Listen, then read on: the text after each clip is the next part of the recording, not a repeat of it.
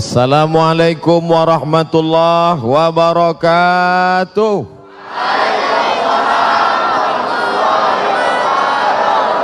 Bersyukur kepada Allah dengan ucapan Alhamdulillahi Rabbil Alamin. Berselawat kepada Rasulullah dengan mengucapkan Allahumma salli ala Sayyidina Muhammad wa ala ali Sayyidina Muhammad. A'udzu billahi minasy syaithanir rajim. Bismillahirrahmanirrahim.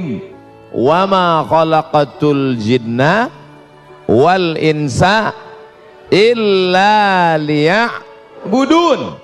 Tidaklah kuciptakan jin dan manusia kecuali hanya untuk satu saja beribadah kepada Allah Subhanahu yang tadi melangkahkan kaki ke rumah kemari, maka setiap langkah kakinya adalah ibadah. Langkah pertama menghapus dosa, langkah kedua mengangkat derajat. Langkah ketiga menghapus silap salah, langkah ketiga mengangkat derajat. Maka sampai ke tempat ini. Siapa yang paling banyak langkahnya di antara kita semua? Yang paling jauh, siapa dia? Saya. Saya berangkat dari Riau dari pulau Sumatera sampai ke pulau Jawa. Oleh sebab itu maka setiap detak jantung, tetesan darah, hembusan nafas, bisikan telinga, lintasan pikiran mestilah bernilai iba, ibadah. Betapa enaknya jadi laki-laki. Masuk masjid, sholat, ibadah. Dengar pengajian, ibadah. Mendengarkan khutbah ibadah. Baca Quran ibadah. Oh Allah tidak adil Pak Ustadz. Kami ibu rumah tangga di rumah sedang hamil tua. Tidak bisa baca Quran tidak bisa ke masjid tidak bisa berzikir tidak bisa sholat berjamaah maka hamil juga ibadah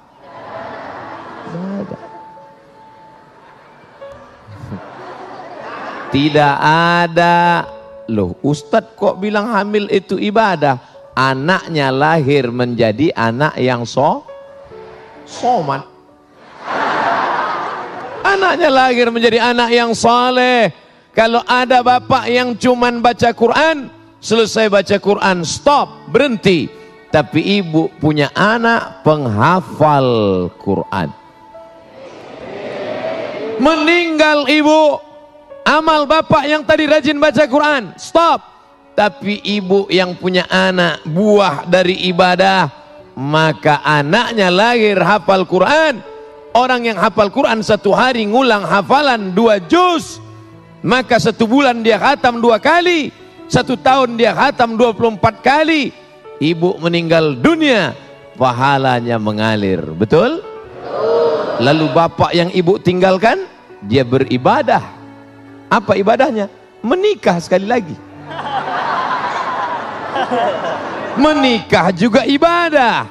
Oleh sebab itu anak-anak muda yang belum menikah, menikahlah. Karena nikah adalah ibadah. Ibadah. Tapi jangan penjelasan ini dipelintir. Nanti ada bapak yang nikah diam-diam. Pas istrinya nanya, teganya kamu mas, kenapa nggak ngasih tahu? Adinda, nikah itu ibadah. Maka kalau ibadah nggak boleh ria. Harus ikhlas. Nggak ada yang tahu. Ini bertentangan dengan hadis Nabi Muhammad sallallahu alaihi wasallam. Nabi bersabda, "A'linu hadzan nikah." Kalau nikah jangan diam-diam, a'linu umumkan supaya orang banyak tahu, supaya menjadi syiar Jangan sampai boncengan laki-laki perempuan menimbulkan fitnah. Eh, kamu bonceng itu siapa? Ini istri saya Pak Ustadz. Kapan kamu menikah? Ustadz nggak kami undang. Kenapa kamu nggak undang saya? Karena waktu nikah kami pakai keyboard tunggal lagu dangdut. Maka acara walimahnya pun ibadah. Karena yang datang waktu itu menerima makanan, menyantap santapan, dan mereka mendoakan barakallah lakuma wa baraka alaikuma. Wa jama'a bainakuma. Disatukan antara kalian mempelai laki-laki dan mempelai perempuan bi khair saat itu tak lagi ada tembok Berlin di antara kalian. Tembok apa maksudnya Pak Ustadz? Ini laki-laki ini perempuan. Laki-laki perempuan tidak boleh disatukan. Karena kalau sampai mereka bersatu akan lahir anak laki-laki dan anak perempuan. Tapi setelah menikah, yang sebelumnya haram dipikirkan, yang sebelumnya haram dilihat, yang sebelumnya haram disentuh, maka setelah itu justru menjadi ibadah, ibadah, menikah ibadah, punya anak ibadah.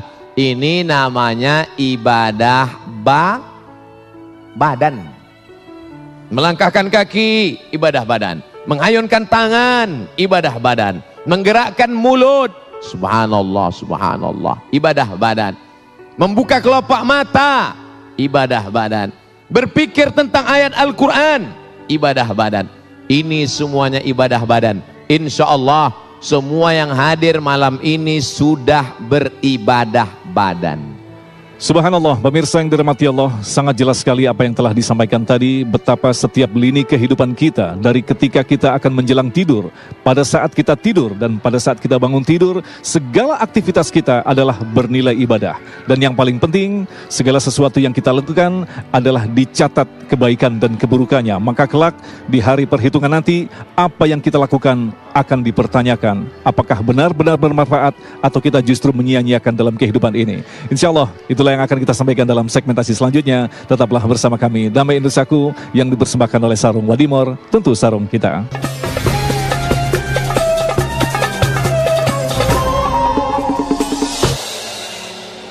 Saya dengar Pak Ustadz, mendengar ibadah badan. Kamu pikir telingamu itu dikasih Allah gratis? Akan ditanya, La tazulu qadama abdin, kaki anak Adam akan tetap tegak berdiri sampai ditanya oleh malaikat. Apa pertanyaannya? Di antara pertanyaan untuk badan, anjismihi fima ablah, telingamu ke mana kau pakai? Mendengar pengajian ya Allah. Di mana? Di Masjid Az-Zikra. Sentul apa? Galaksi. Galaksi Bekasi ya Allah. Bekasi apa Bogor? Bekasi ya Allah. Kamu langsung menyaksikannya? Tidak ya Allah. Dari mana? TV One memang beda. Allahu Akbar. Matamu ke mana kau pakai? Mataku ku pakai membaca Al-Quran. Apakah kau menangis? Ya. Kau menangis karena ayat itu bercerita tentang azab neraka? Tidak. Kenapa kau menangis? Karena mataku sudah mulai rabun ya Allah tidak lagi jelas mana huruf ba, mana huruf ta, mana huruf sa. Maka setiap tetes air mata pun bernilai iba, ibadah. Inna sam'a pendengaran telinga wal basar penglihatan mata wal fuad hati pikiran kullu ulaika kana anhu mas'ula semua akan disoal semua akan ditanya Siapa yang paling diperas pikirannya selama beberapa hari ini? Panitia. Panitia tidak selera makan selama seminggu ini. Ketua panitia, sekretaris, bendahara, pembina yayasan, siang malam mereka berdoa, Ya Allah. Jangan sampai acara ini gagal ya Allah. Sakitnya nggak seberapa malunya. Mereka berdoa siang dan malam. Apa doa mereka? Ya Allah, sehatkan Ustadz Abdul Somad. Ya Allah. Sampai acara selesai. Terserah setelah itu terserah ya Allah. Ini semua adalah ibadah-ibadah. Ibadah itu kan cuma sholat Pak Ustadz. Kalau ibadah itu cuma sholat, maka bapak-bapak dari kepolisian, yang membimbing kami dari airport Halim sampai ke lokasi belok kiri, belok kanan, menunjukkan kami jalan yang benar. Ihdinas siratal. Apakah itu tidak bernilai ibadah? Ibadah. Bapak-bapak dari TNI yang mengamankan acara ini bernilai ibadah. Sahabat-sahabat dari FPI yang mengawal ustadz ibadah. Sahabat kami dari panitia yang membawa ini acaranya kota besar. Kok jamaahnya nggak ada? Rupanya saya dibawa dari pintu belakang.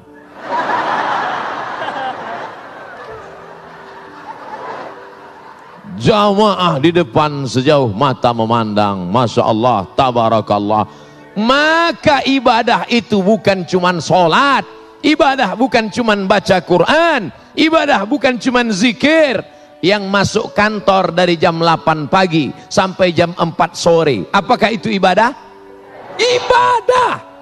Kalaulah pegawai Pemda, pegawai Pemko, pegawai kantor gubernur, pegawai bupati, pegawai wali kota, semuanya menganggap kerjanya di kantor adalah ibadah, maka mereka khusyuk dalam bekerja sebagaimana mereka khusyuk dalam sholat. Betul? Allahu Akbar. HP-nya HP-nya vibrator. Apakah ada yang berani membatalkan sholatnya? Ada? Tidak ada yang berani membatalkan sholatnya. Kenapa? Karena aku sedang dalam iba, ibadah. Begitu habis cek lock masuk kantor jam 8 pagi. Tet. Terima kasih. Pas sedang duduk-duduk, datang teman ngajak. Bro, ya, ente lagi ngapain? lagi duduk. Udah cek log? Udah. Yuk jalan ke mall yuk. Aku sedang ibadah. Berani berkata demikian? Takbir. Assalamualaikum. Waalaikumsalam. Ente lagi di mana nih? Lagi di kantor bro. Ayo kita jalan yuk. Aku sedang ibadah. Ayolah ngopi sebentar aja. Aku yang bayar. Oke. Okay. Sebagaimana engkau tidak berani curang dalam sholat, begitu jugalah engkau tidak berani curang di kantor. Kenapa? Karena sholat adalah ibadah dan kantor juga adalah ibadah. Tapi jangan dibalik. Ayalah salat. Bro, ayo ke masjid Azikra yuk. Saya sedang ibadah. Jangan dibalik. Ini banyak jamaah yang ngaji tapi pandai interpretasi. Itu azan sudah berkumandang. Ayo kita ke masjid. Buat laporan juga ibadah. Ini ibadah mahdoh. Solat berjamaah di masjid ibadah mahdoh. Sedangkan di kantor ibadah ghairu mahdoh. Tidak pure, tidak murni. Dia bukan ibadah. Tapi bernilai ibadah. Makan ibadah apa enggak? Uh, semua setuju. Kucing makan, ayam makan, cicak makan. Kenapa makan kita ibadah? Karena sebelum makan kita sebut nama Bismillah. Tadi saya makan di rumah Pak Ketua Pembina Yayasan Azikro. Bismillah. Kalau mau yang agak panjang, Bismillahirrahmanirrahim. Yang lebih panjang, Allah barik lana fi ma razaqtana wa adzabannar. Kenapa Ustaz pendek saja? Saya lapar. Bismillah. Maka makan itu bernilai ibadah. Ibadah. Makanya nanti kalau ada tamu makannya lama. Ente kenapa makan lama? Ya akhi, ini adalah ibadah maka ibadah harus khusyuk. Makannya lama, sholatnya cepat. Saudara yang dimuliakan Allah Subhanahu wa taala, apakah tidur ibadah? Ibadah. Makanya kalau ada teman di sebelahmu tidur, tenang, dia sedang beribadah. Ada yang tidur? Kalau yang tidur, eh eh, ente kok tidur? Orang semua habis pengajian, marilah pengajian ini kita tutup dengan membaca doa kafaratul majlis. Subhanakallahumma wa bihamdika asyhadu an la ilaha illa anta astaghfiruka wa atubu ilaik. Ya enggak? Alhamdulillahilladzi ahyana ba'da ma amatana wa ilaihi nusyur. Maka ini semuanya ibadah. Ustadz judul ceramahnya enggak sesuai dengan isinya. Ceramahnya kan tentang wakaf produktif. Sementara dari tadi nikah ibadah, tidur ibadah, makan ibadah, di kantor ibadah. Gimana mau punya harta kalau tidak kerja? Coba saya ceramah langsung. Marilah kita berwakaf, marilah kita bersedekah, marilah kita berinfak. Selesai acara, siapa yang mau bersedekah? Enggak ada Pak Ustaz. Kenapa? Enggak ada duit. Makanya yang perlu dibangkitkan pertama semangat bekerja, bangun pagi. Siapa yang paling banyak berkahnya? Doa Nabi Allahumma barik li ummati fi bukuriha. Berikanlah berkah pada umatku di waktu pagi. Siapa yang bangunnya paling pagi, dialah dapat berkah paling ba paling banyak bekerja. Bismillahi tawakkaltu ala Allah la haula wala quwata illa billahil aliyyil azim. Nah, itu kalau bapak-bapak, bapak-bapak suaranya tegas. Bismillahi tawakkaltu ala Allah la haula wala quwata illa billah. Kalau ibu-ibu wala haula wala quwata illa billah Al-Aliyil Azim. Datang bapak dari belakang. Pemirsa yang dirahmati Allah, dalam segmentasi selanjutnya nanti Ustadz Abdul Somad akan menjelaskan kepada kita bahwa kita tidaklah hidup sendiri di muka bumi ini. Ada orang yang tentu saja membutuhkan bantuan kita, ada orang yang tentu saja membutuhkan kelebihan daripada harta kita. Untuk itulah ketika Allah memberikan rizki kepada kita, ada yang dikenal dengan terminologi yaitu tentang zakat, infak, sodakoh, dan wakaf. Apa makna daripada terminologi ini? Selepas pesan-pesan berikut ini, damai Indonesiaku.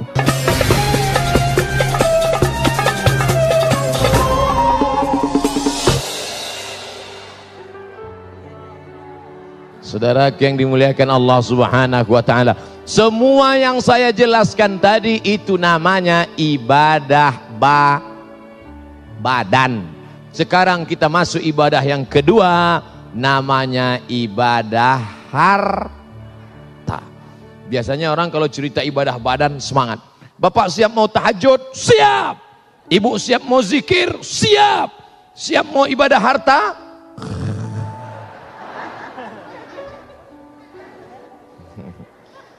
Ustadz kok tiba-tiba ingat ibadah harta Pak Ustadz? Kotak wakaf, kotak sedekah sedang di depan. Yang paling tinggi namanya za, zakat, bukan zakar. Zakat. Kamu sudah bayar zakat? Saya sudah bayar zakat Pak Ustadz. Tiap tahun? Setiap tahun tidak pernah absen Pak Ustadz. Berapa zakatmu? Dua kilo setengah itu zakat fitrah blow on yang dimaksud ini zakat mal. Mal artinya miring. Mal miring. Makanya dalam Quran ada cara membaca imalah. Bismillahirrahmanirrahim tulisannya majroha tapi bacanya miring. Bismillahirrahmanirrahim. Namanya imal, mal. Mal artinya miring. Kenapa harta itu dalam bahasa Arab disebut mal? Karena hati kita miring ke harta. Orang Arab menyebutnya mal, orang Barat menyebutnya mall. Ada masjid az-zikra, ada mall, Kira-kira hati kita miring ke mana?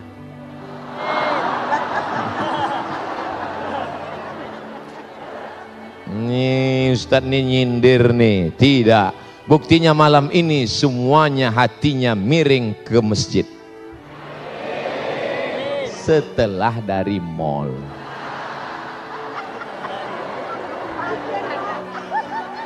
Makanya disebut harta itu mal. Malaya milu mail. Miring. Karena memang hati manusia condong kepada harta. Ada anak gadis. Kaya. Cantik. Ada yang satu lagi miskin biasa saja. Jawab dengan jujur. Hati bapak condong ke mana? Jangan ada dusta di antara kita. Oleh sebab itu kalau ada orang datang perampok ke rumahnya, perampok itu membawa pisau yang tajam bertanya, pilih mana, nyawa apa harta? Perampoknya serius kok ketawa. Kalau ada perampok bertanya begitu, ibu jawab dengan ketawa, perampoknya kabur. Kamu pilih nyawa apa harta? Kata dia, ayo kita cabut ini orang nyoblos pemilu. Saudaraku yang dimuliakan Allah Subhanahu wa taala, maka siapa pun hatinya pasti condong kepada harta. Tapi harta yang kita cari pagi sampai siang, sampai malam, apakah harta itu akan kita bawa mati? Siapa bilang tidak? Cari pagi, cari siang, cari sore, cari petang, cari malam. Harta itu dikumpul, bisa dibawa mati. Mana buktinya? Yang membeli jam Masjid Az-Zikra, maka di akhirat dia akan mati bawa lampu. Mau mati bawa lampu? Beli lampu. Melihat lampu Az-Zikra, ingat masjid Masjidil Haram, Masjid Nabawi. Masuk di mana belinya, Pak? Ustadz Somad, saya ingin mati bawa kamera. Pergi ke mall, beli satu kamera, wakafkan ke Masjid Az-Zikra. Kamera ini saya wakafkan untuk merekam semua ceramah pengajian didokumentasikan yang ada di Az-Zikra. Begitu wakafkan. Saya tunjuk ini pasti yang punya.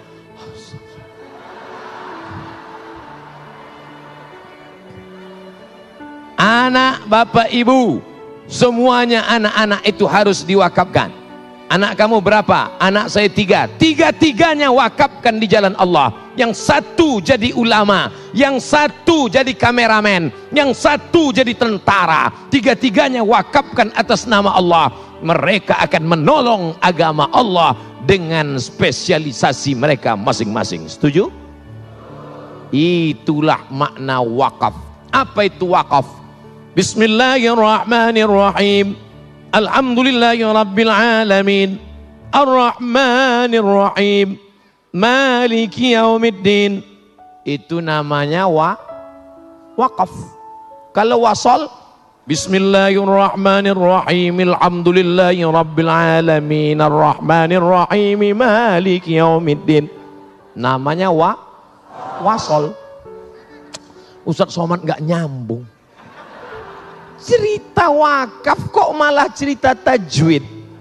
Wakaf artinya berhenti.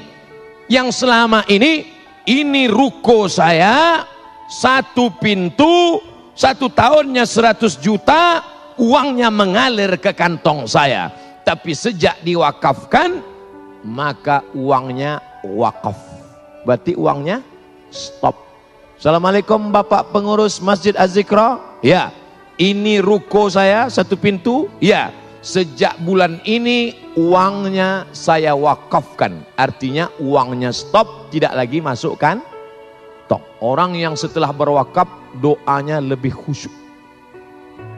Sebelum itu dia doa biasa aja. Tapi setelah itu ya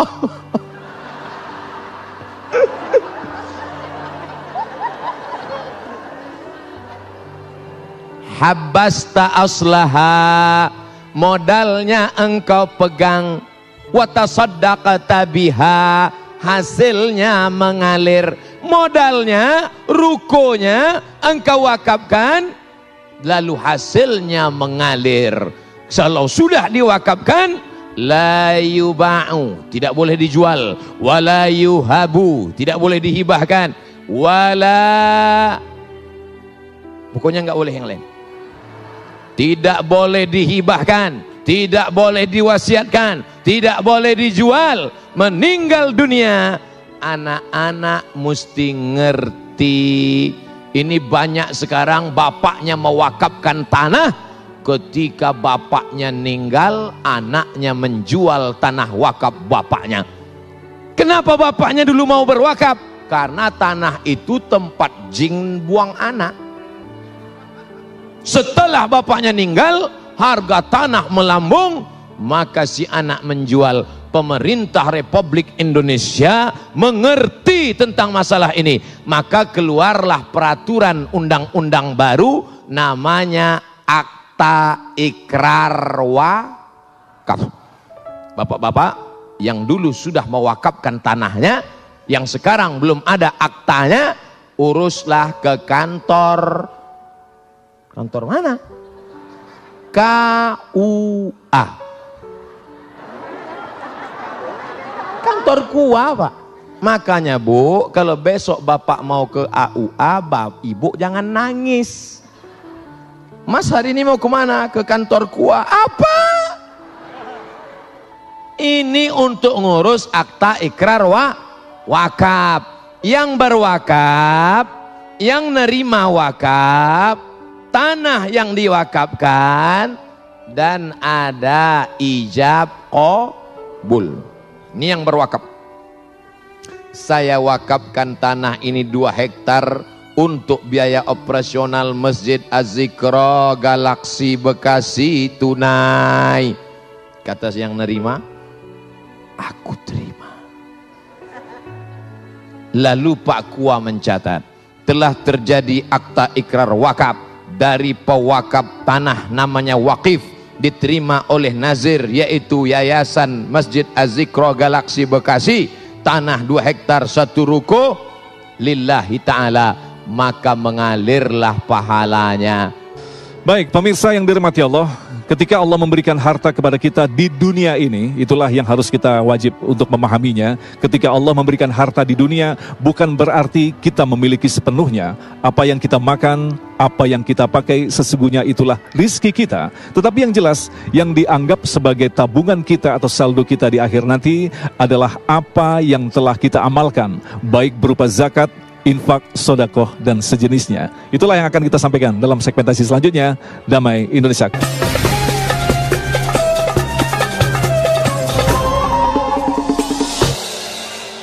Adapun tanah yang kau buat rumah yang besar, kau buat bangunan yang mewah, uang yang kau belikan mobil, apakah kalau mati dibawa mati? Rumah besar tinggal, mobil besar tinggal, bini besar. Hmm. Kau bangun rumah besar, megah, mewah. Itu rumah siapa? Rumah papa. Datang serangan jantung, mati. Penyakit terkeren di dunia, penyakit jantung jantung. Makanya orang kalau disebut sakit apa tuh? Sakit jantung. Keren.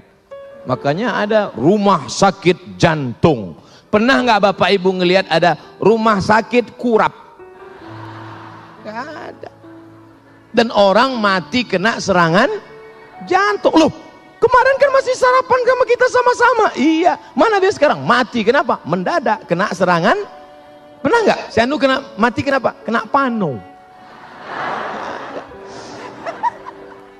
Dan penyakit jantung muncul karena makanan eh enak daging kambing, sate kambing, gulai kambing, minum susu. Ada nggak orang sakit jantung karena banyak minum air putih?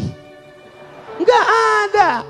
Oleh sebab itu maka makanlah, kulu makanlah, wasrabu minumlah, wala tusrifu jangan ber lebihan. Oh, Ustadz nyindir kami ya. Jangan tersinggung. Saya kasih tahu jangan tersinggung. Beberapa jamaah tersinggung pulang kumat jantungnya. Mati.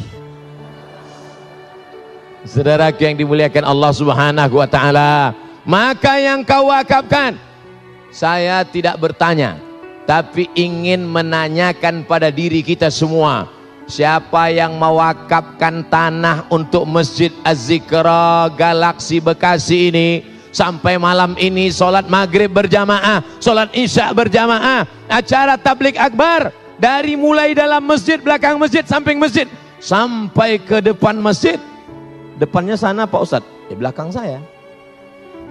Maka mengalir pahalanya ke makamnya walaupun dia tidak lagi berada di atas dunia. Amin. Adapun yang dulu kaya, yang uangnya banyak, ketika dimantakkan wakaf sedekah tidak mau. Silakan. Hai kau orang kaya yang tak mau bersedekah, silakan. Kau orang kaya yang tak mau berwakaf, silakan. Nanti kau akan ma mampus. Janganlah kasar-kasar Pak Ustadz. Ustadz kan orang yang omongannya didengar. Kenapa bicaranya kasar Pak Ustadz? Oke kalau gitu kita biasa bicara lembut aja. Siapa yang tidak mau bersedekah nanti dia akan mampu.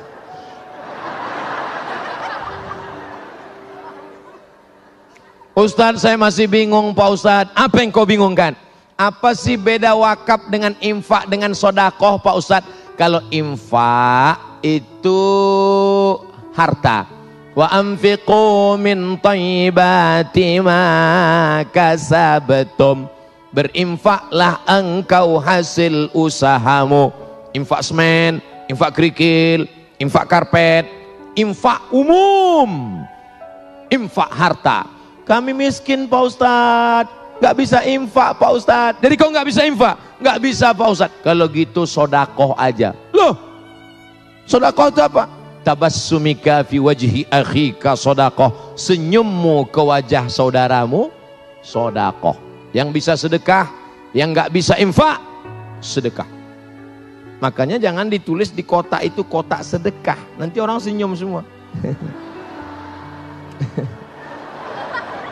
Asal lewat kotak Makanya yang paling tepat ditulis kota infak. Ini kota nggak ada tulisannya sama sekali. Enggak infak di depan. Nggak ada tulisan. Berarti panitia masih ragu. Kota infak. Karena infak itu materi benda. Kalau sodakoh non materi. Likulli sulama minkum sodakoh. Tiap-tiap tulang sendimu sodakoh bantu orang ngangkatkan barang, sodakoh. Bantu orang masang lampu, sodakoh. Kalau kau punya harta, infak. Saya punya harta mau beli lampu, infak. Saya punya harta mau beli kubah, infak. Saya nggak punya harta ngasih kubah, datang ke sini, bantu angkat lampu, bantu. Bantu nggak bisa, datang ke sini senyum. Sudahlah nggak ngasih lampu, nggak ngasih kubah, nggak ngasih semen, nggak bantu ngangkat, masuk ke sini mukanya. Lalu wakaf Pak Ustadz, wakaf harus ada empat. Ada wakif, orang yang berwakaf. Mauquf alaih, mauquf bih, ijab qabul. Orang yang berwakaf, benda yang diwakafkan, yang nerima wakaf ada ijab dan kabul. Makanya enggak kita tulis di situ kota wakaf. Kota wakaf. Karena kalau dibuat kota wakaf, kita kan enggak pernah akad sama kota. Hai kota, aku wakaf. Kata kota, aku terima, aku terima, aku terima. Alhamdulillah. Udah Pak Ustadz, udah jelas Pak Ustadz, udah jelas. Ternyata ibadah itu ada ibadah badan. Melangkah kaki ibadah badan. Mengayunkan tangan ibadah badan. Mendengar pengajian ibadah badan. Melihat ibadah badan. Berzikir ibadah badan. Baca Quran ibadah badan. Ada namanya ibadah harta. Ada namanya zakat. Ada namanya infak. Ada namanya wakaf. Ada namanya sodakoh. Sudah jelas Pak Ustadz. Cuman saya sedekahnya ke mana? Laziz. Bahasa Arab bahasa Arab Bapak Ibu kalau sedang makan, datang orang nanya, "Kif ya akhi?" Bagaimana ini? Laziz. Laziz artinya enak. Laziz. Tapi ternyata di galaksi Bekasi, Laziz artinya bukan enak. Apa itu Laziz? Lembaga Amil Zakat Infak Az-Zikro. Masya Allah. Kira-kira masih enak enggak? Allahu Akbar. Tadi waktu Ustadz sebut Laziz, terbayang saya enak Pak Ustadz. Setelah saya tahu ternyata arti Laziz itu lembaga amil zakat infak, langsung nggak enak Pak Ustadz. Maka kadang sesuatu itu nggak enak, nggak enak di dunia, tapi enak di akhirat. Waktu diminum pahit, tapi efeknya baik. Namanya ja, jamu, bukan jambu. Tapi ada yang manis, enak, suka, menarik. Tapi ternyata efeknya tidak baik. Apa namanya? Diabetes mellitus. Oleh sebab itu laziz ini mungkin tidak enak. Lembaga amil zakat infak Masjid Az-Zikra sudah di launching. Ini sudah grand opening. Jangan seperti pembukaan rumah makan. Grand opening. Habis itu soft opening. Yang ketiga tinggal pening. Emangnya mau buat apa lagi?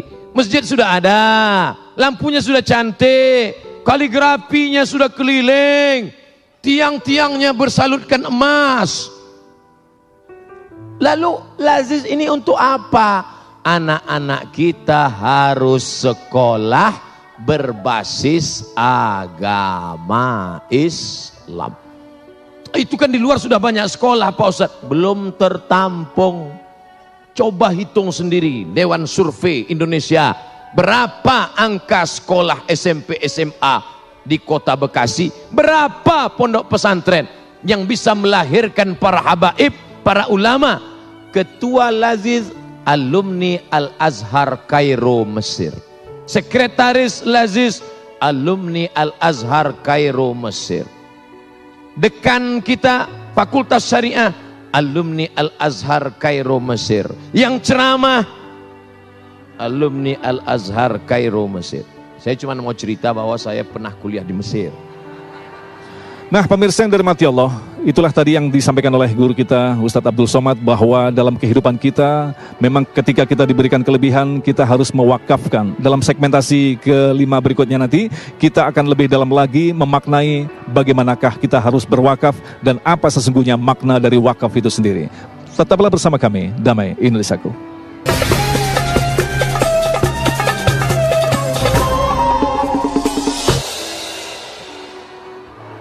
Ustad, Ustad, Ustad, Ustad, ya. Di Al Azhar Kairo Mesir itu berapa biaya uang kuliahnya satu semester? Gratis. Tinggal di asrama berapa bayarnya? Gratis. Tiketnya Pak Ustad? Gratis. Tiket gratis, asrama gratis, kuliah gratis. Dikasih beasiswa tiap bulan. Selesai dapat ijazah LC, datang ke kantor. Assalamualaikum, Waalaikumsalam ini ijazah LC saya mau ngurus tiket pulang. Tiket saya nanti kira-kira dari Kairo ke Jakarta atau sampai Pekanbaru? Kalau sampai Jakarta saya mau minta kirim uang beli tiket lagi dari Jakarta ke Sumatera. Kata yang ngurus nanya di belakang rumahmu ada airport enggak kalau ada dia mau belikan tiket sampai belakang rumah ini uangnya dari mana? Ini semua uangnya dari wa, wakaf. Bedanya apa? Bedanya wakaf kalau di tempat kita, coba pejamkan mata, bayangkan apa yang saya sebutkan. Apel, terbayang? Jeruk, terbayang? Wakaf, apa yang terbayang? Kuburan. Karena di tempat kita kalau sudah tanah wakaf, wakaf pasti kubu. Di Mesir tidak begitu. Tanah wakaf di atasnya dibangun hotel. Maka hasil dari hotel itu menjadi wakaf. sebagiannya untuk owner, sebagiannya untuk pemilik, sebagiannya untuk pengelola, sebagiannya hasilnya untuk disalurkan ke umat Islam. Tanah wakaf di atasnya dibangun rumah sakit. Maka rumah sakit itu untuk siapa? Untuk ustadz, untuk dai, mahasiswa Al-Azhar Kairo sakit perut.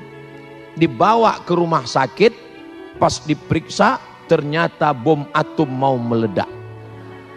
Tidak lama lagi akan terjadi Big Bang. Bam. Sebesar ini mau meletup. Isinya apa? Biji cabai gara-gara suka makan cabai ngunyahnya nggak mau oh, kiri kanan gol kiri kanan gol bijinya numpuk di usus bun jadi gimana dokter potong akhirnya dipotong dioperasi sehat begitu mau keluar bayar 2000 pon kali 3000 rupiah zaman kami 6 juta 600 dolar mau minta ke orang tua, krisis moneter. Gimana? Keluarkan kartu Al-Azhar gratis. Dari mana? Rumah sakitnya di atas tanah wakaf, maka wakaf membantu mahasiswa Al-Azhar.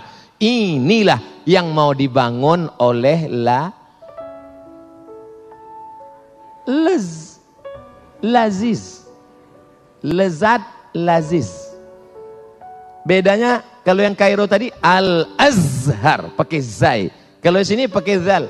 Lazid. Ada za, ada za, ada lo, ada ja. Yang empat itu jangan sampai sama. Makanya belajar. Ada za, lazid. Ada za, azhar. Ada zo, zuhur. Ada ja. Jangan nanti semua. Apa nama lembaga yang di masjid Az-Zikra itu? Oh, lajij. Di mana anak-anak kita belajar ini? Mereka akan belajar di pondok sekolah tahfiz Quran. Tanahnya dari mana? Dari Laziz. Bangunannya dari mana? Dari Laziz. Alumninya akan dikirim ke mana? Dikirim ke Universitas Imam Muhammad Ibnu Saud. Alumninya Pak Kiai kita ada di belakang. Beliau tamat Imam Muhammad Ibnu Saud tamat dari Ibnu Saud lanjutkan ke Tarim bersama Habib Umar bin Hafiz di Darul Mustafa dikirim anak-anak kita ke sana di mana dia Al Azhar Kairo di mana Darul Mustafa Tarim Hadramaut Habib Umar bin Hafiz dari mana dari Imam Muhammad Ibnu Saud dananya dari mana ibu-ibu tidak perlu lagi penggalangan dana pakai lagu nasihat ya dana ya dana perlu lagi. Kenapa? Karena sudah adalah lazim. Inilah yang dimaksud dengan wakaf produktif. Karena selama ini wakafnya tidak produktif. Wakafnya wakaf pasif. Tanahnya untuk masjid. Tanahnya untuk kubur. Tanahnya untuk makam. Tanahnya tidak menghasilkan apa-apa. Maka yang punya sawah di kampung wakafkan ini tanah wakaf ibu. Iya Pak Ustadz. Alhamdulillah. Kita cek dulu ke BPN ya. Badan Pertanahan Nasional. Assalamualaikum Bapak BPN. Waalaikumsalam. Gimana status tanah ini Pak? Mohon maaf Pak Ustadz. Ini pemiliknya tumpang tindih 15 orang. Assalamualaikum Ibu. Waalaikumsalam. Ini tanah yang Ibu wakafkan kemarin ke Laziz. Ya. Ternyata setelah kami cek di BPN pemiliknya 15 orang. Kenapa ibu wakafkan? Justru karena masalah itulah maka saya wakafkan. Kalau nggak masalah, apa saya wakafkan Pak Ustadz? Ini orang bukan beragama. Ini orang memain-mainkan aga, agama. Lantana lul birra. Kamu tidak akan mendapatkan kebaikan. Hatta tumfiqu mimma tuhibbun sampai yang kau berikan itu adalah yang paling kau sayang mana tanah yang paling kau sayang mana ruko yang paling kau sayang mana rumah yang paling kau sayang itu yang kau wakafkan Ustaz Somad itu rumah saya, itu rumah saya, itu rumah saya, itu rumah saya. Itu rumah yang paling saya sayang. Rumah itu saya wakafkan. Untuk operasional lazis sewanya tiap bulan pakai. Alhamdulillah. Bapak punya saya punya kos-kosan Pak Ustadz. Berapa? 100 pintu. Mantap. Tapi baru pintunya aja Pak Ustadz. Nah pemirsa yang dirahmati Allah Orang yang cerdas adalah orang yang bukan mampu meraih jenjang pendidikan setinggi-tingginya. Orang yang cerdas adalah bukan orang yang mampu mengumpulkan harta sebanyak-banyaknya, tetapi yang jelas dengan pendidikan yang dia miliki, dengan harta yang dia miliki, apakah benar semuanya itu hanyalah untuk Allah atau hanya sekedar untuk manusia, yaitu agar kita dipuji oleh manusia. Itulah yang akan kita sampaikan selepas pesan-pesan berikut ini. Damai Indonesiaku.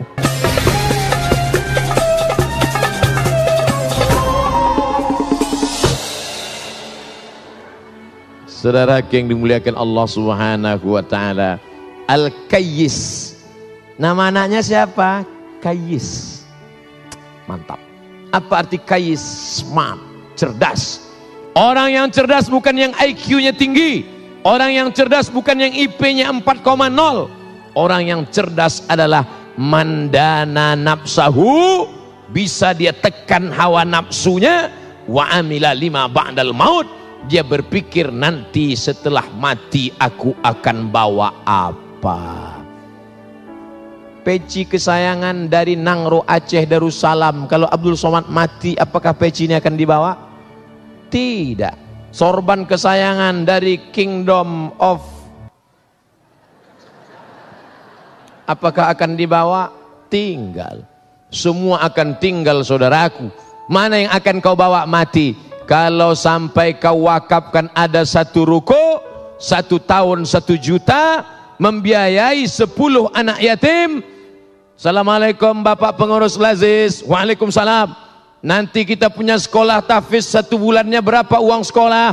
Satu juta untuk biaya guru-guru kita. Ini saya kasih seratus juta untuk biaya sepuluh bulan untuk sepuluh anak yatim.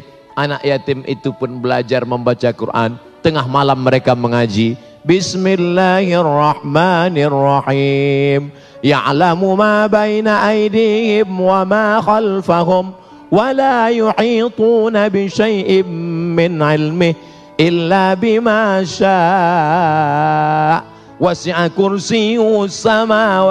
wal ard wa la ya'uduhu hifdhuhuma wa Ustaz nengok apa? Ayatnya di situ. Wala yu'ituna bi syai'in min ilmi illa bima syaa. Wasi'a kursiyyus samawati wal ard wala ya'uduhu hifdzuhuma wa huwal aliyyul azim. La ikraha fid din. Tidak ada paksaan dalam agama. Qad tabayyana ar-rusdu minal ghayy. Malam ini sudah jelas mana yang bengkok, mana yang lurus.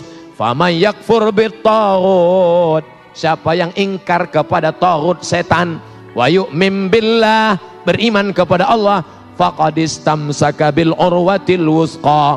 Dia sudah berpegang dengan tali yang kuat. Lam fisamalaha tidak akan terpisah untuk selamanya. Wallahu sami'un alim. Allah maha mendengar lagi maha mengetahui. Allahu waliyul ladzina amanu. Allah yang akan menolong orang beriman yukhrijuhum minaz zulumati ilan nur. Allah yang akan mengeluarkan mereka dari kegelapan kepada yang terang benderang. Bagaimana dengan yang tidak beriman? Walladzina kafaru. Orang yang kafir orang yang ingkar orang yang tak percaya. Auliya'uhumut taghut. Mereka akan ditolong setan. Yukhrijunahum minan nuri ila zulumat. Mereka akan dikeluarkan dari yang terang kepada gelap Ulaika ashabun nar. Mereka penghuni neraka. Hum fiha khalidun. Mereka akan kekal selamanya. Saya cuma mau ngasih tahu itu ayat Qur'annya. Tapi jangan nanti pas sholat nengok. Allahu Akbar. Saudara yang dimuliakan Allah Subhanahu wa taala, masuk anak bapak, masuk istri bapak, masuk suami ibu, duduk di masjid ini, mengalir pahalanya ke makam yang berwakaf. itulah dia royalti 100% tak berkurang antara orang yang beribadah dengan yang sudah meninggal dunia. Kira-kira setelah penjelasan saya ini Bapak Ibu pilih mana? Amal badan apa amal harta?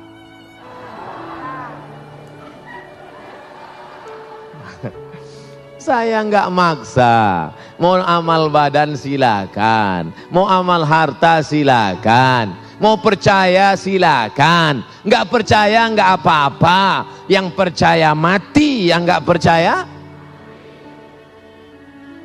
yang percaya hartanya tinggal, yang nggak percaya hartanya juga ting tinggal. Lalu yang kekal abadi yang mana?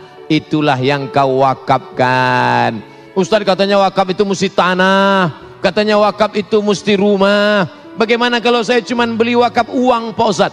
Itulah namanya wakaf produktif. Karena setelah uang engkau serahkan, ada akadnya, ada ijab kabulnya, uangmu akan dibelikan ke tanah, uangmu akan dibelikan ke semen, uangmu akan dibelikan bangunan, satu lokal 200 juta kalau di Riau di Jabodetabek saya nggak tahu. Kami jual paket untuk kelas-kelas sekolah suku terasing 100 juta, 200 juta. Pondok pesantren satu lokal 200 juta.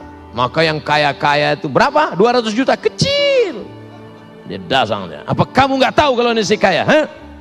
Mana, mana, mana, mana, mana? Berapa lokal? Ini untuk MDA 5 lokal. Ini 5 lokal. Bapak mau ngasih? Enggak, mau nanya aja. Menunjukkan kau kaya bukan dengan cincinmu yang tiga. Menunjukkan kau kaya bukan dengan rantai emasmu yang besar. Menunjukkan kaya bukan dengan mobilmu yang mewah.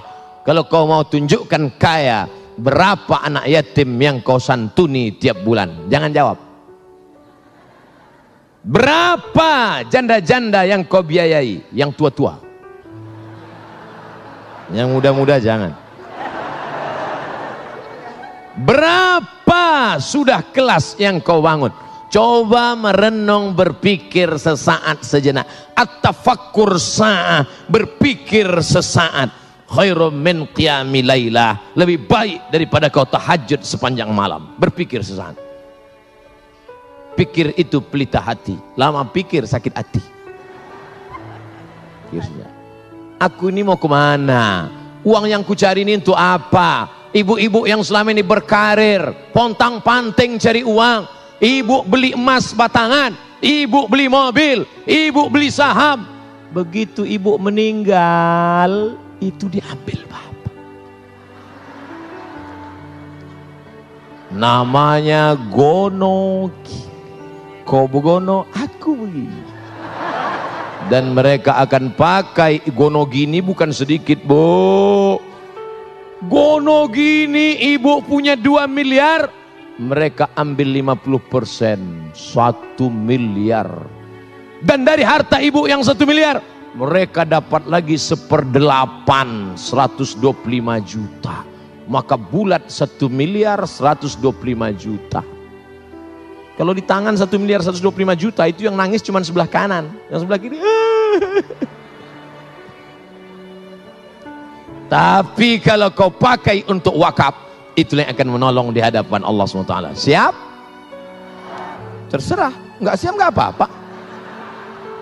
Terima kasih segala perhatian. Mohon maaf segala kesilapan dan kekhilafan. Ustaz kok tiba-tiba berhenti? Sudah satu jam. Dari mana Ustaz tahu? Itu dari belakang. Alhamdulillahirrabbilalamin. Pemirsa yang dirahmati Allah Apa yang telah dipaparkan tadi Mudah-mudahan akan memberikan pemahaman kepada kita Bahwa apa yang telah diberikan oleh Allah Apa yang telah dilapangkan oleh Allah Khususnya dalam hal harta Sesungguhnya itu bukanlah milik sepenuhnya kita Tetapi milik sepenuhnya adalah Allah. Dan sesungguhnya ketika Allah menitipkan harta Maka apa yang kita berikan untuk orang banyak Apa yang kita berikan untuk fakir miskin Itulah sesungguhnya yang disebut dengan harta kita sesungguhnya. Baik, insya Allah dalam segmentasi selanjutnya Kita akan menjawab pertanyaan pertanyaan-pertanyaan Anda. Masih bersama kami, Damai Indonesiaku.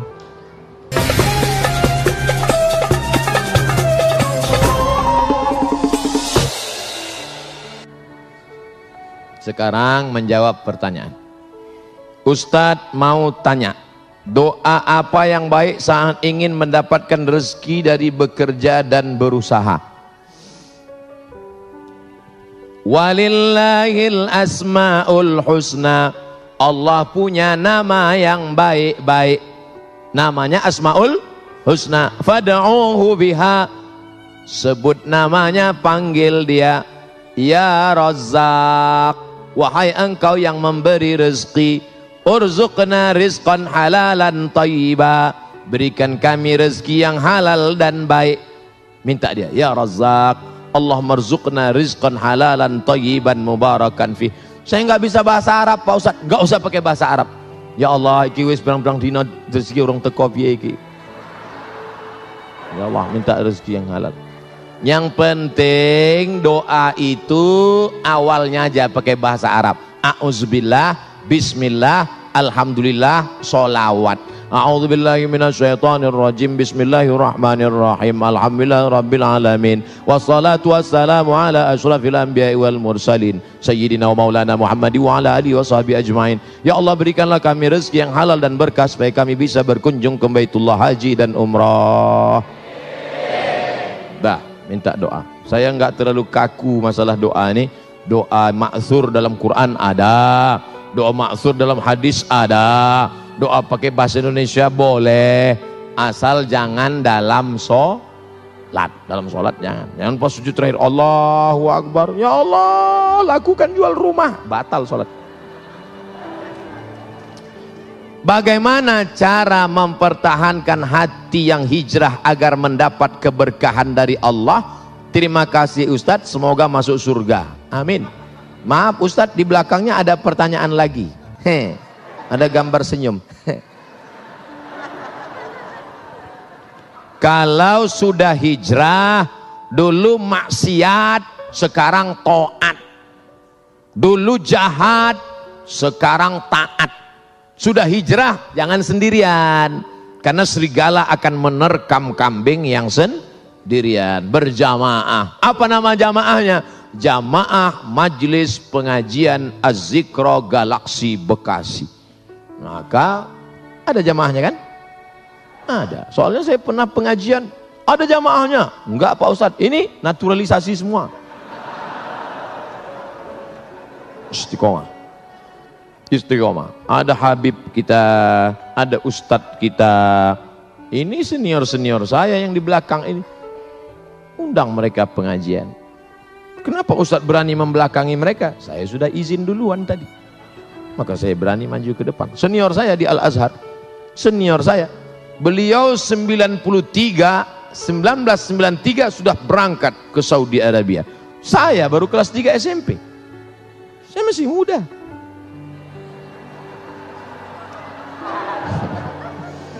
Bagaimana menghadapi orang tua sendiri terutama ibu yang selalu berpikir negatif dan berkata yang selalu menyudutkan kita di depan orang lain. Ibu tidak pernah melihat anaknya besar. Ibu saya tidak pernah melihat saya ustadz yang viral followernya 7 juta. Ibu saya melihat saya adalah anak kecil yang baru pandai berjalan, yang dulu dia gendong, peluk dan cium. Maka jangan pernah kau menceramahi ibu. Kalau kau menceramah ibumu, pulang dari pengajian kau panggil ibumu. Mama, sini sebentar. Assalamualaikum. Dia melihatmu lucu. Karena dia lihat ini anak kecil kok pandai ceramah. Maka kata-katanya dari mulutmu, tapi kau pakai mulut orang lain. Ibumu punya teman akrab, ya pakai mulutnya ibumu punya saudara keluarga tante bibi makcik keluarga pakai lisannya menyampaikan pesan-pesan mungkin lebih menyentuh hatinya kata-kata kita mungkin tidak masuk tapi kata-kata orang lain masuk jadi jangan pernah kau ceramahi orang tuamu seperti kau menceramahi murid-muridmu Terima kasih atas jawabannya Pak Ustadz. Semoga Ustadz diberi kesehatan, panjang umur, berkah dunia akhirat. Mohon maaf Pak Ustadz, di belakangnya ada pertanyaan juga.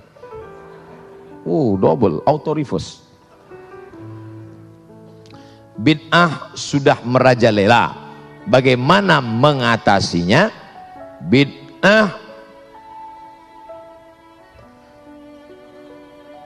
pangkal tidak bersatunya umat Islam. Perbuatan, ucapan, tindakan, pikiran tidak ada dalilnya bid'ah. Sesuatu yang tak ada dalilnya bid'ah. Pergi dia ke tanah lapang, dibentangnya sajadah, digelarnya sajadah, dia sholat. Allahu Akbar. Kenapa ente sholat di sini? Semakin panas, semakin berkeringat, semakin banyak pahalanya. Itu bid'ah. Tak ada dalil sama sekali. Selama ada dalilnya, maka tidak boleh kita bid'ahkan. Jangan membid'ahkan orang kalau ada dalilnya. Selama ada dalilnya, ada dalam Quran, ada dalam sunnah, ada dalam ijma, ada dalam qiyas, maka tidak boleh kita bid'ahkan. Ibu-ibu kumpul ramai-ramai baca Yasin. Yasin wal Qur'anil Hakim. Innaka laminal mursalin ala siratim mustaqim. Toto ada orang bid'ahkan. Apa ini rame-rame baca Yasin? Bid'ah. Belum tentu bid'ah, Bro. Karena masih ada dalilnya, dalil am, dalil umum. Man qara'a Yasin filailatin, siapa yang baca Yasin pada suatu malam, asbaha maufuranlah pada waktu subuhnya dia sudah diampunkan Allah Subhanahu wa taala. Oleh sebab itu jangan mudah saling membid'ahkan. Karena ketika kau katakan, "Hei pelaku bid'ah," maka sama artinya kau katakan, "Hei penghuni neraka jahanam." Emangnya ente siapa? Neraka punya bapak ente.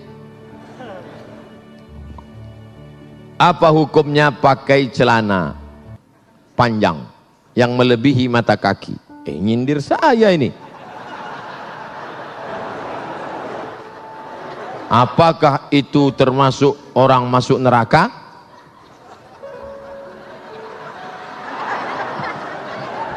Pakai celana melebihi mata kaki. Untung rumputnya subur. Enggak kelihatan. Ini celana melebihi mata kaki. Apakah masuk neraka?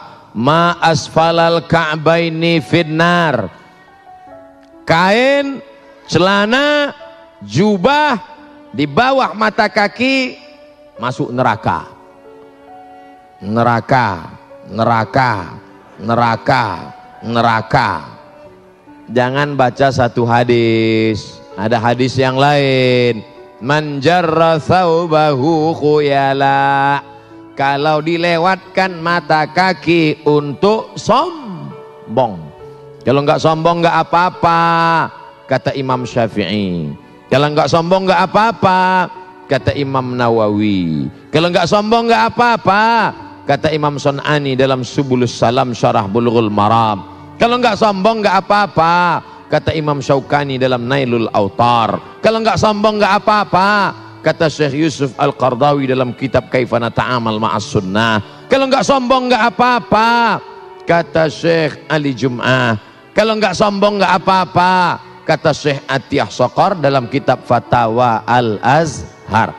Saya dalam hal ini tidak menyalahkan kawan-kawan yang sudah potong kaki celana. Bapak yang sudah potong jangan disambung. Biarkan aja. Saya sudah terlanjur motong Pak Ustaz, biar aja. Bagi yang sudah terlanjur motong, yang belum motong jangan diejek. Jangan nanti pulang dari sini, eh ini kelihatannya setelah hijrah makin tinggi nih yang udah motong biarin. Yang nggak motong kalau antara yang udah motong dengan yang belum motong saling ngejek yang ketawa yang nggak pakai celana. Ini masalah khilafiyah. Apakah sholat kita diterima jika gerakannya tak sesuai aturan? Irji ila sholatika fa innaka lam tusalli ulangi solatmu karena solatmu tidak sah. Dia ulang solatnya. Nabi nyuruh ulang irji ila salatika fa innaka lam tusalli. Ulangi salatmu salatmu enggak sah. Dia ulang salatnya irji ila salatika fa innaka lam tusalli. Ulangi salatmu karena salatmu tidak tiga kali disuruh ulang. Kenapa? Karena tidak ada tumak nina kalau engkau rukuk hatta tatma'inna raki'an.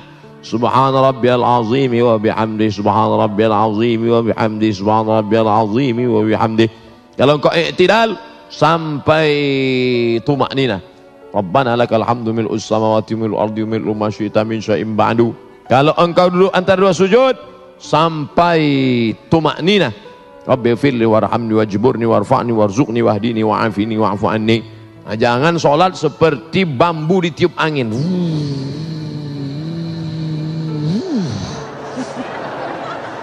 Eh, ente sholatnya kok cepat sekali. Valentino Rossi bro.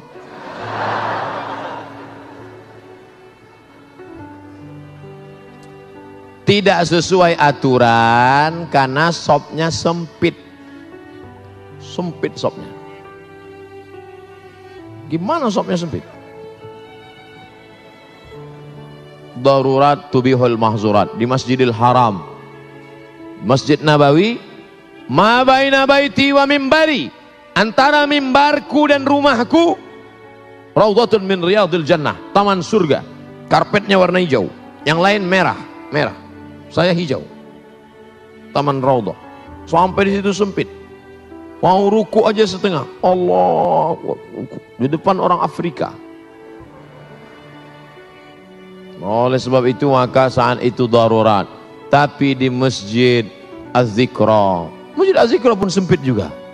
Masya Allah. Apa tiap malam begini? Amin ya Rabbal.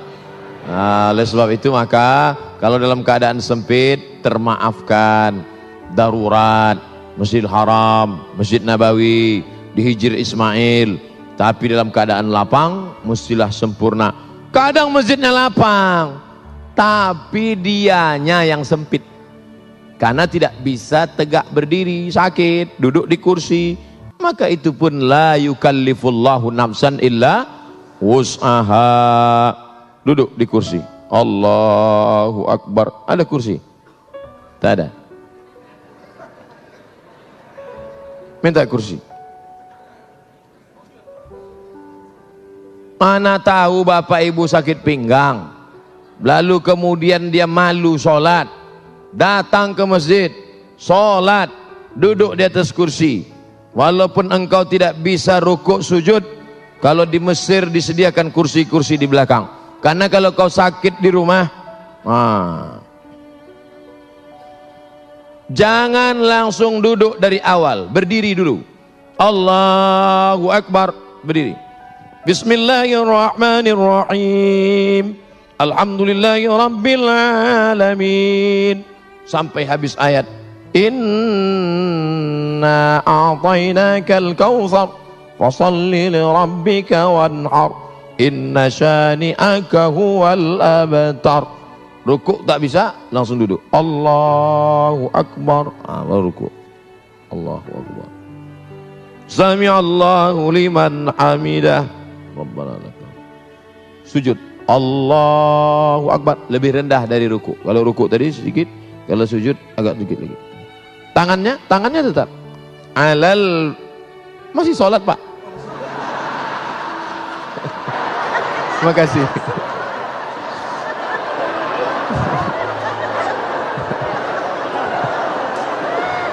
Mohon maaf Pak Ketua Yayasan.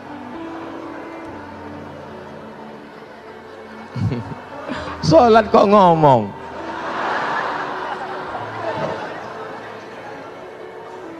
alal fakhidaini tangan di atas paha. Awir rukbataini atau di atas lutut. Jadi nanti kalau ada yang tangannya di atas lutut atau di atas paha. La alal hawa bukan di atas angin. Ada yang sujud di atas angin. Allahu Akbar. Di atas angin. Di atas sujud at-tahiyatul barakatuh tetap At-tahiyatul barakatuh salawat. Saya Pak Ustadz telunjuk saya yang sakit. Ayat itu at-tahiyatul. Jangan pula diganti at-tahiyatul. At-tahiyatul barakatuh. Tidak ada alasan untuk tidak sholat berjamaah berjamaah. Dulu waktu sehat tidak mau ke masjid. Sudah sakit baru dapat hidayah, datang ke masjid. Sudah sehat tak ke masjid, sakit pun tak ke masjid. Mati baru ke masjid. Nauzubillah. Tapi insya Allah yang hadir malam ini anak-anak muda semua. Amin. Kami yang tua Pak Ustadz, casingnya tua, signalnya tetap muda. Yang kita khawatirkan anak muda, isinya orang tua. Anak-anak muda umur 17-18, gaya letoy lesulung lain mau mati. Saya kalau udah diundang anak muda gayanya gitu, saya kasih ketua. Mana ketua panitia sini? Bawa semua ke panti jompo. Tapi alhamdulillah malam ini semuanya alhamdulillah dalam keadaan istiqomah iman dan Islam. Baik, pemirsa yang dirahmati Allah, tanpa terasa sesaat lagi kita akan mengakhiri acara Damai Nusaku dengan tema bahwa kehidupan ini adalah kehidupan yang sementara, di mana kehidupan ini cukup berarti ketika kita mampu memberikan yang lebih bagi orang lain. Dan insya Allah di akhir nanti, Ustadz Abdul Somad akan memimpin doa bersama. Mudah-mudahan kita termasuk dipilih oleh Allah adalah orang yang selalu lapang hatinya untuk berbagi kepada sesama. Tetaplah bersama kami Damai Indonesia.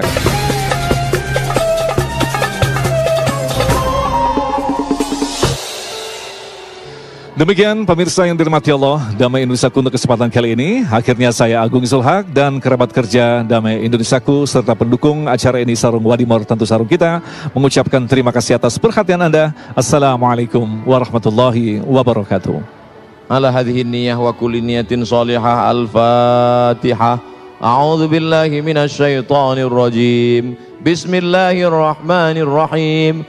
Alhamdulillahi rabbil alamin. الرحمن الرحيم مالك يوم الدين إياك نعبد وإياك نستعين اهدنا الصراط المستقيم صراط الذين أنعمت عليهم غير المغضوب عليهم ولا الضالين آمين. اللهم إنا نسألك سلامة في الدين. Selamatkan kami anak-anak kami dalam akidah ahlu sunnah wal jamaah. Wa afiatan fil jasad. Sehatkan badan kami supaya kami dapat beramal dengan ikhlas ya Allah. Wa ziyadatan fil ilmi tambahkan ilmu kami supaya benar ibadah kami ya Allah. Wa barakatan fil rizqi berkahi rezeki kami supaya kami bisa beramal, berinfak, berzakat, bersedekah ya Allah. Wa taubatan qabla al maut berikan kami taubat sebelum mati. Wa rahmatan indal maut berikan rahmat ketika mati. Wa maghfiratan ba'dal maut. Berikan ampunan sesudah mati. Allahumma hawin alaina fi sakaratil maut. Ringankan kami waktu sakaratul maut ya Allah. Wan najata minan nar. Selamatkan dari api neraka. Wal afwa indal hisab. Maafkan ketika segala amal kami dihisab Allahumma balligh maqasidana. Sampaikan segala niat tujuan kami. Bil khusus untuk terselenggaranya lembaga amil zakat infak dan sedekah az-zikra ya Allah. La tada' lana dzamban illa ghafartah keluar kami dari majlis ini dalam keadaan bersih dari dosa-dosa. Wala dainan illa qadaita tolong kami melunasi segala hutang piutang riba. Wala maridan illa syafaitah ada di antara kami yang sakit, angkat penyakitnya. Wala mayitan illa rahimtah. Yang meninggal dunia, curahkan rahmat, lapangkan kuburnya. Wala aziban illa zawajtah. Yang lajang, yang gadis belum menikah, temukan jodohnya. Wala raghiban illa anjabatah. Yang sudah menikah ingin punya anak, berikan anak soleh, solehah penghafal Quran. Allahumma anzilir rahmata wa salamata wal barakata ala hadhil jamaah. Turunkanlah keselamatan, kerahmatan, keberkahan kepada seluruh jamaah yang hadir ini ya Allah. Rabbana fil lana dhunubana wa liwalidayna warhamhuma kama rabbayana saghira. Rabbana atina fid dunya hasanah wa fil akhirati hasanah wa qina adzaban nar. Wa sallallahu ala sayyidina wa maulana Muhammad wa ala alihi wa sahbihi wa sallam Walhamdulillahi rabbil alamin. Tak